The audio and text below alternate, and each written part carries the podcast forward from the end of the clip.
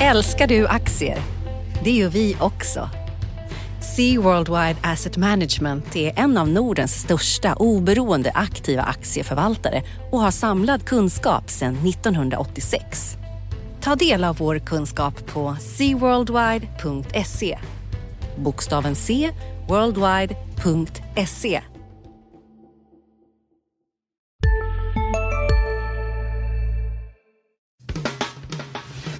Analyspodden från Dagens Industri. Hej och välkommen till Analyspodden där vi går igenom det viktigaste som hänt på marknaderna i veckan och blickar lite framåt mot nästa. Jag heter Viktor Munkhammar. Med mig i studion idag har jag Johan Wendel, börsreporter här på DI. Hej Johan! Tjena! Tjena, tjena! Du, eh, eh, det är en diger agenda i vanlig ordning. Eh, vi kommer att prata lite politik faktiskt, på Europanivå på olika sätt. Kanske lite olja, en jättestark barometer har vi fått. Balder har fulat sig på börsen, som har stigit nio dagar på raken för övrigt. Men vi börjar med det överraskande beskedet från Riksbanksfullmäktige att Stefan Ingves får förlängt, och inte bara förlängt, med fem år. Eh, han kommer alltså, och om han sitter där hela perioden ut har suttit 17 år som eh, riksbankschef när eh, nästa mandatperiod löper ut. Johan, vad, vad tänker du och hur reagerade börsen? Ja, eh, börsen eh, stack iväg 20 punkter på det här ungefär så att eh, börsen jublade.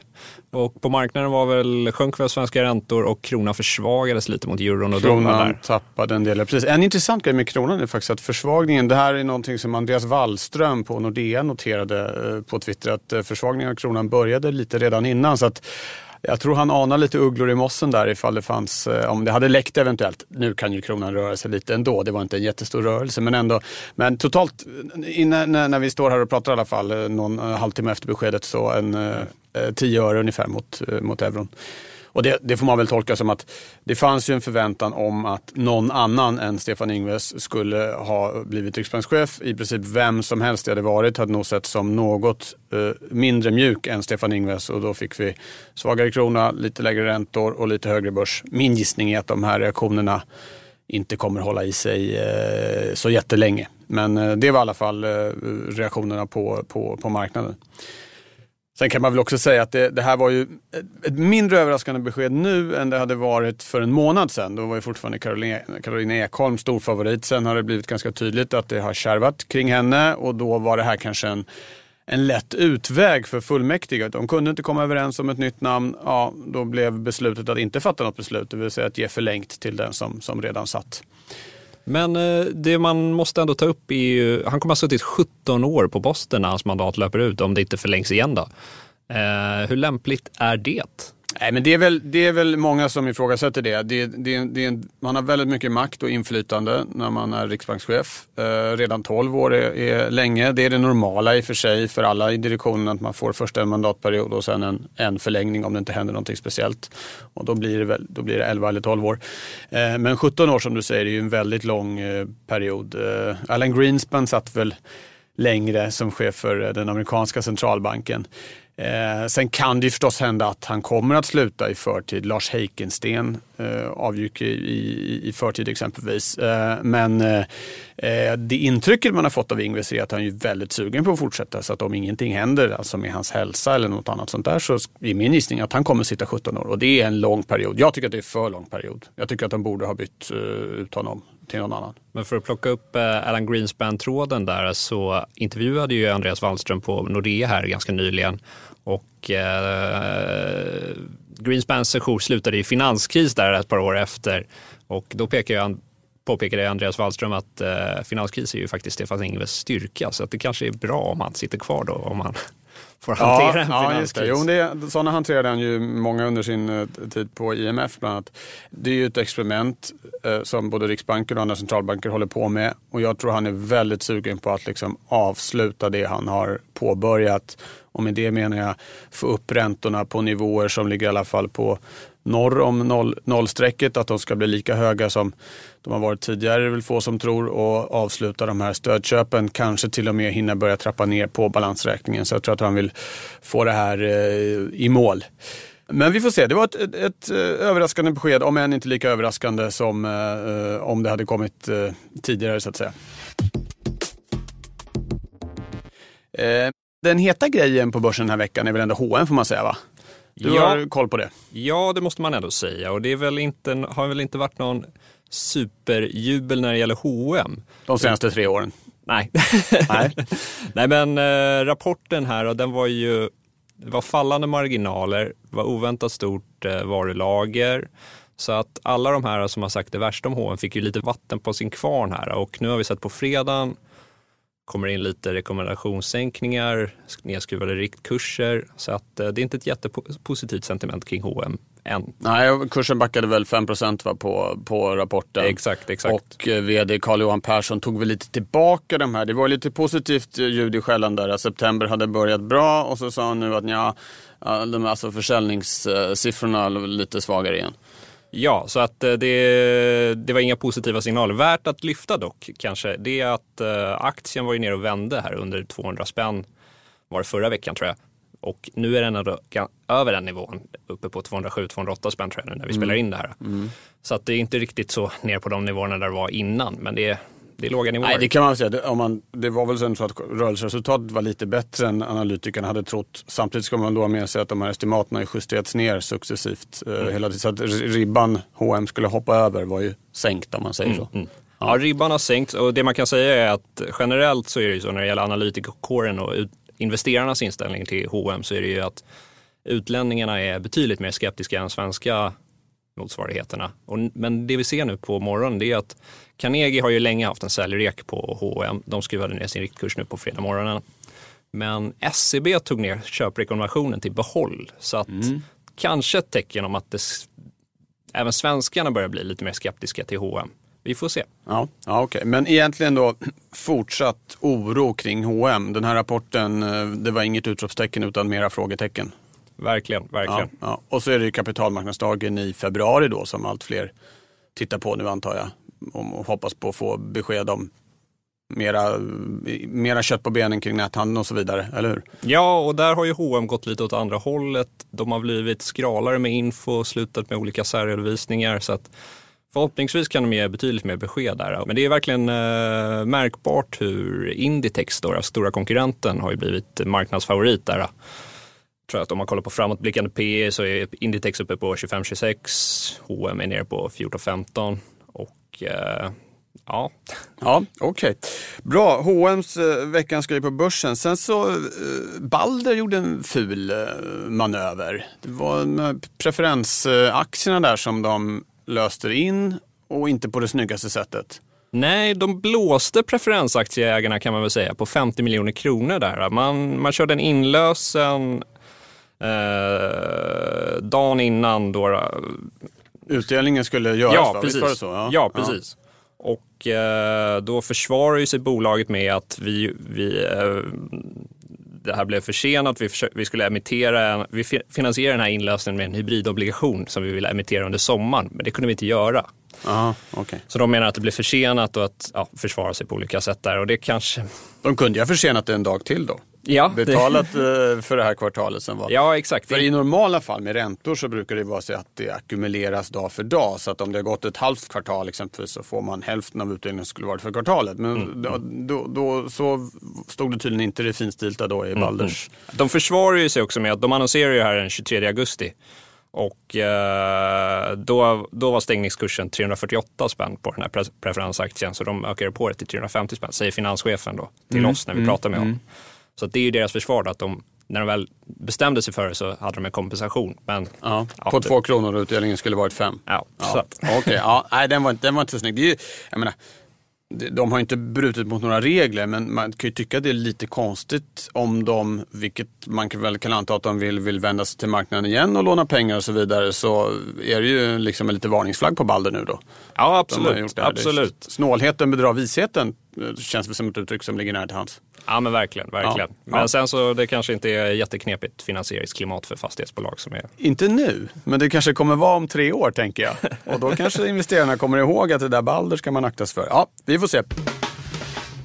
Från min sida bordet då, jag bevakar ju makrofrågor mer än börsen, så får man väl konstatera att vi har fått en urstark barometer från Konjunkturinstitutet där den delindex, delindexet för, för tillverkningsindustrin satte rekord ännu en gång. Eh, eh, men hela barometern var stark och det, så där har det sett ut ett tag nu. Det har gått lite, lite upp och ner men väldigt starka indikatorer.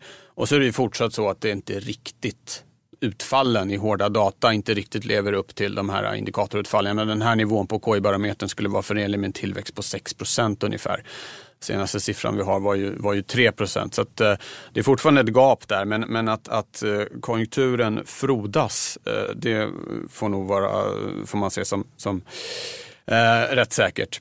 Ehm, Sen det, det, här med politiken jag pratade om. Jag tänkte det, det har varit, det, det är ju inte alltid marknadsnära men det har ju varit intressant ändå. Det, först valet i Tyskland. Eh, där ju Merkel visserligen eh, fick, hennes parti CDU eh, fick flest röster eh, men ett försvagat mandat. Hon kommer tvingas eh, förmodligen ta in Liberalerna och de gröna för att få ihop en majoritet. För Socialdemokraterna som gjorde ett katastrofval eh, säger att de inte vill vara med.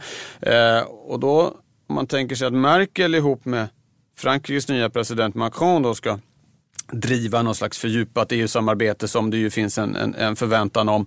Eh, det kommer inte bli så lätt för henne när hon har de här rätt skeptiska eh, liberalerna med Eh, som absolut inte vill ha någon gemensam finanspolitik eller något sånt där. Och dessutom så har hon då varit stora vinnare, AFD, som föddes som ett eurokritiskt parti som hon liksom måste stoppa väljarflödet till. Så att, eh, lite liksom käppar i hjulet där. Sen bara dagen efter kom det ett liksom enormt visionärt tal från Macron, och den franska presidenten, med eh, förslagen bara sprutade både från höger och vänster och till höger och vänster. Och han till och med säger sig vara beredd att röra jordbrukspolitiken som är liksom en no-go zon för franska eh, presidenter. Så att väldig kontrast. Hur, de där, hur det här ska matchas ihop liksom. Ifall det är Macron nu som ska ta över ledar, ledartröjan i, eh, i EMU från, från Merkel. Eh, det är oklart. Men i alla fall, reaktionen på marknaden blev ju lite svagare euro på det här. Det jag, det, det jag tänker från min lilla horisont mm. är, det är hur ska Sverige passa in i allt det här? Ja, det är ju verkligen en intressant fråga. Det är ju, för, för att det går ju mot ett slags mer att det är euroländerna som är EU. Och det här har ju förstärkts jättemycket av att britterna lämnar. Eh, det är där besluten kommer fattas. Eh, det är där samarbetet kommer förtätas. Och det är inte omöjligt att Sverige, inte nu, inte om två år, men kanske om fem eller tio år faktiskt kommer behöva välja.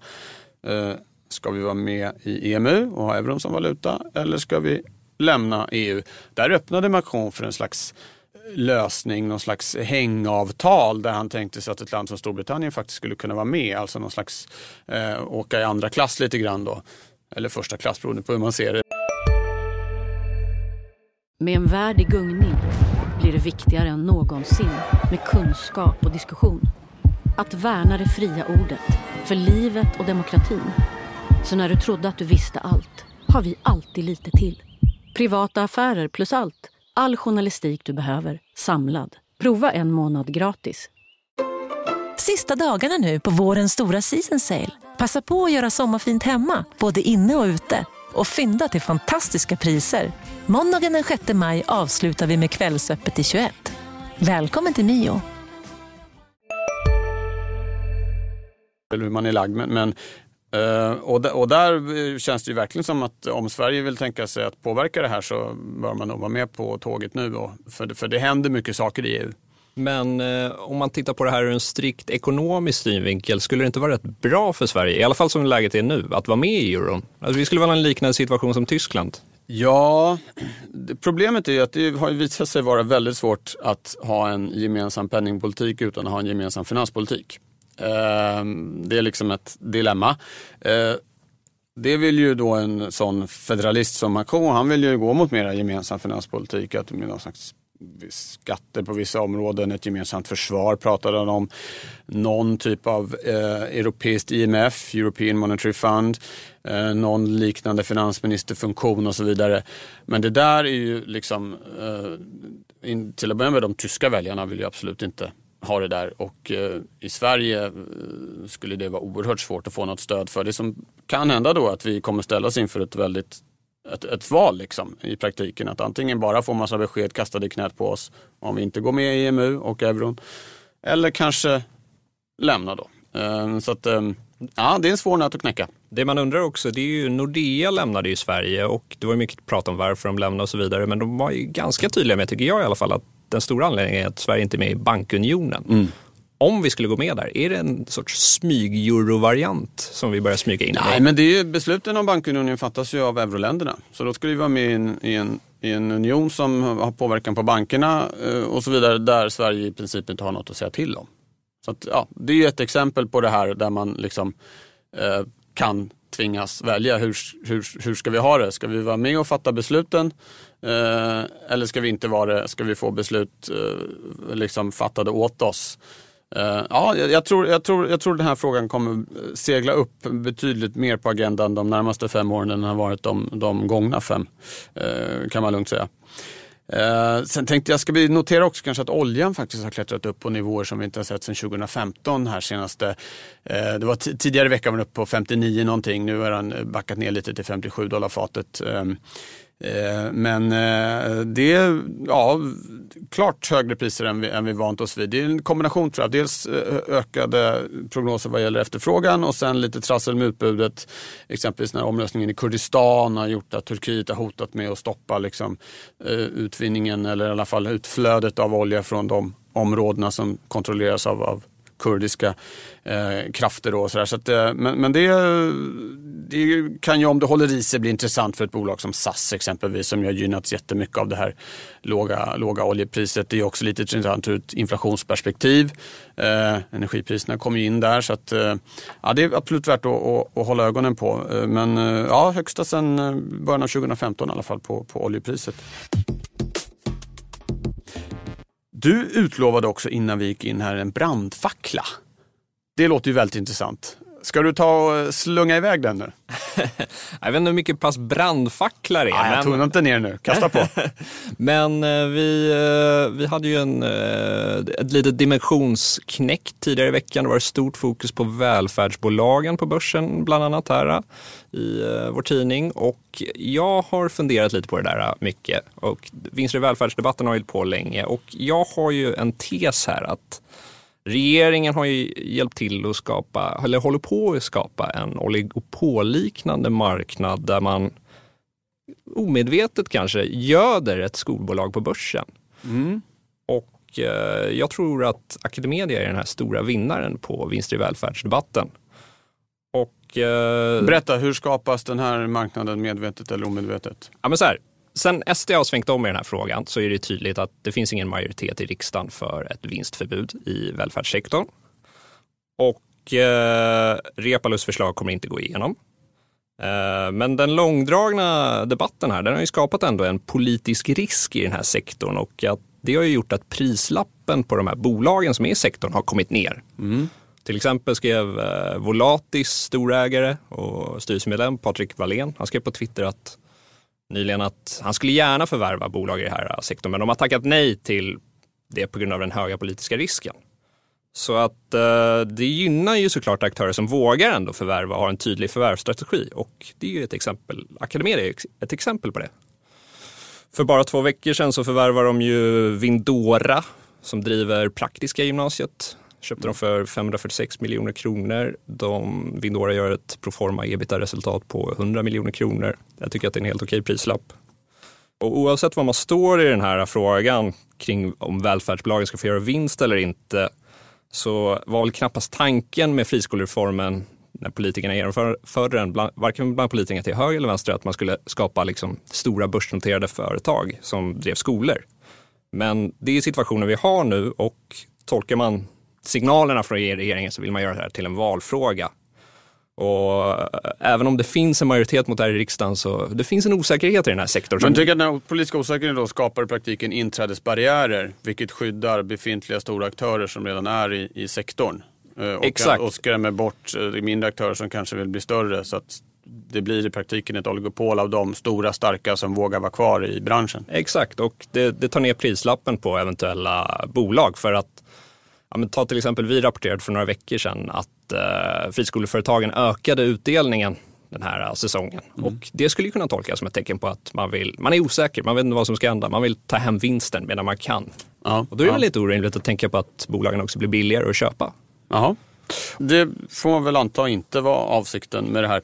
Apropå brandfackla då så kan man väl ta en till. Det brinner ju inte kanske eh, bokstavligen men i eh, Katalonien. Eh, eh, där vill ju katalanerna kommer att av allt att döma att rösta om självständighet på på söndag. Den eh, spanska centralregeringen försöker stoppa det här. Det är ganska dramatiska händelser. De har ju försökt beslagta valsedlar, de har skickat dit militärpolis från andra regioner, eh, försöker stoppa valet som det ser ut nu kommer det bli ett val. Då har katalonerna sagt att blir det över 50 procent oavsett valdeltagande så ska de förklara sig självständiga inom 48 timmar. Vilket ingen kommer erkänna eh, förmodligen. Eh, och det här har liksom, hittills har marknaderna inte brytt sig så mycket om det här och räknar med att det blir någon typ av förhandlingslösning. Men jag tror att man ska hålla ögonen på det där för att eh, menar, Katalonien är, det är 15 procent av invånarna, 20 procent av ekonomin. Så det är en stor del av en stor europeisk ekonomi. Eh, och vad som händer efter det här valet, liksom backar sidorna tillbaka och ändå utnyttjar de öppningar för förhandling som finns eller blir det någon slags konflikt där. Eh, ja, den känns inte riktigt bra i alla fall, Katalonien. Men det får vi, det kanske är mera för nästa vecka egentligen. Valet är ju på, på, på söndag som sagt. Eh, vad har vi mer på börsen som du tycker man bör nämna?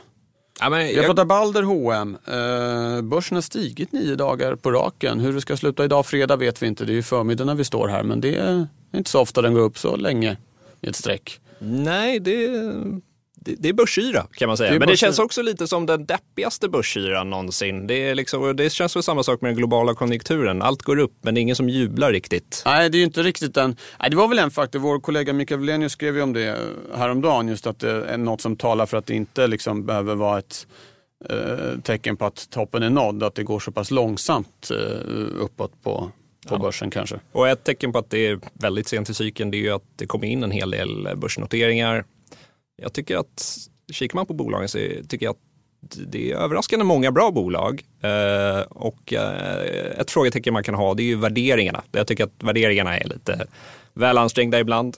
Men eh, jag tror att när det väl eh, rasar till lite så är det nog många som står redo med eh, att trycka på köpknappen. Det är, till exempel när man kikar på de här Bank of America, gör de här förvaltarundersökningarna. Det är fortfarande ganska stor kontantandel i förvaltarnas portföljer mm. så det, det, finns en del torrt krut kvar.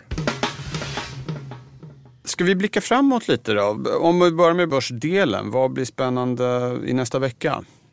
Ja men det, det blir ju, Eniro håller ju på, det ska ju ta slut idag då, då fredag när vi spelar in den här. Ja, ännu en uh, tidsfrist va, tar, tar slut. Ja exakt. Man skjutit upp det. Exakt, de vill ju omvandla de här uh, konvertiblerna och preferensaktierna till stamaktier och uh, ja. Mm. Det är en segdragen historia helt enkelt. Ja. Men förhoppningsvis får vi veta utfallet på måndag där, hur, hur det faktiskt blev ja. med det. Okej. Okay. något annat? Ja, men sen, eh, jag inte, kan, det är ju en dryga månad kvar till Ericssons nästa kvartalsrapport, men det är ju ändå ett bolag man håller, man håller ögonen på. Dem. Ja. Och det som är, är att senaste veckan här så har ju uh, blankarna gjort in, intåg i den här aktien. Ja. 3,42 procent, det är blankat just nu. Det är rätt mycket va? Jag kan inte blankning alls särskilt bra, men 3,42 procent låter som... Ja, det är väl mer än genomsnittet kan man säga. Aha, okay, ja. uh, och nu ska jag inte... Det är inte topp 10 i alla fall på nej, börsen, nej. men det, det, börjar bli. Mm, mm. Men uh, det, det, man kan säga det är att Ericsson har ju lite av en tradition, kanske man ska säga, att eh, leverera under förväntan på rapportdagen. Eh, Martin Blomgren, vår eh, kollega här, han gjorde ju en sammanställning som visar att eh, Ericsson är ju sämst under, bland OMXS30-bolagen under Q4. De har en snitt, snittutveckling på minus 5,4 procent under kvartalet vad gäller aktien. Så att, eh, ja, och på marknaden spekulerar man ju om Kommer en ny emission eller kommer en vinstvarning nu här i samband med nästa rapport? Och mm. eh, ja, vi får se. Okej, okay. ja det, det händer ju mycket grejer i Ericsson. Precis som H&M har inte det varit någon jätterolig resa. De Nej, de här folkaktierna. Två eh, traditionella, fina, så kallade fina svenska bolag. Ja, Ja. Vi får hoppas att det blir bättring där. Eh, från min horisont, makrosidan, då, så kommer inköpschefsindex på måndag, den här tidiga konjunkturindikatorn eh, från stora delar av världen. Den görs i de flesta rika länder. Det blir en liten eh, eh, hälsocheck på konjunkturen. Eh, stalltipsen pekar väl mot ett eh, fortsatt bra läge men kanske utan några ytterligare uppgångar. Men, men fortsatt eh, stark global konjunktur. Eh, och sen kommer det jobbsiffror från USA på fredag och de är ju alltid viktiga, inte minst för vad centralbanken Federal Reserve ska, ska ta sig för.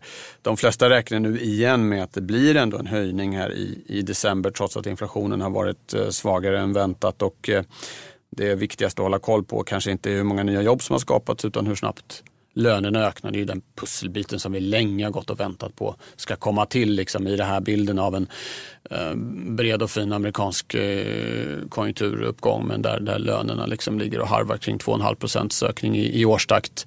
Vilket är för lite för att inflationen uthålligt i alla fall ska ligga på 2 procent eh, eller något sånt där. Så det, det blir det eh, vi får kika på vad vi vet nu. Vill du tillägga något innan vi rundar av eller ska vi, ska vi tacka för oss? Nej, jag tror det är bra så. Ja, Okej, okay. då ska du ha stort tack som har lyssnat. Tack Johan. Eh, vi är tillbaka om en vecka. Håll ut! Analyspodden från Dagens Industri. Podden redigerades av Umami Produktion. Ansvarig utgivare Lotta Edling.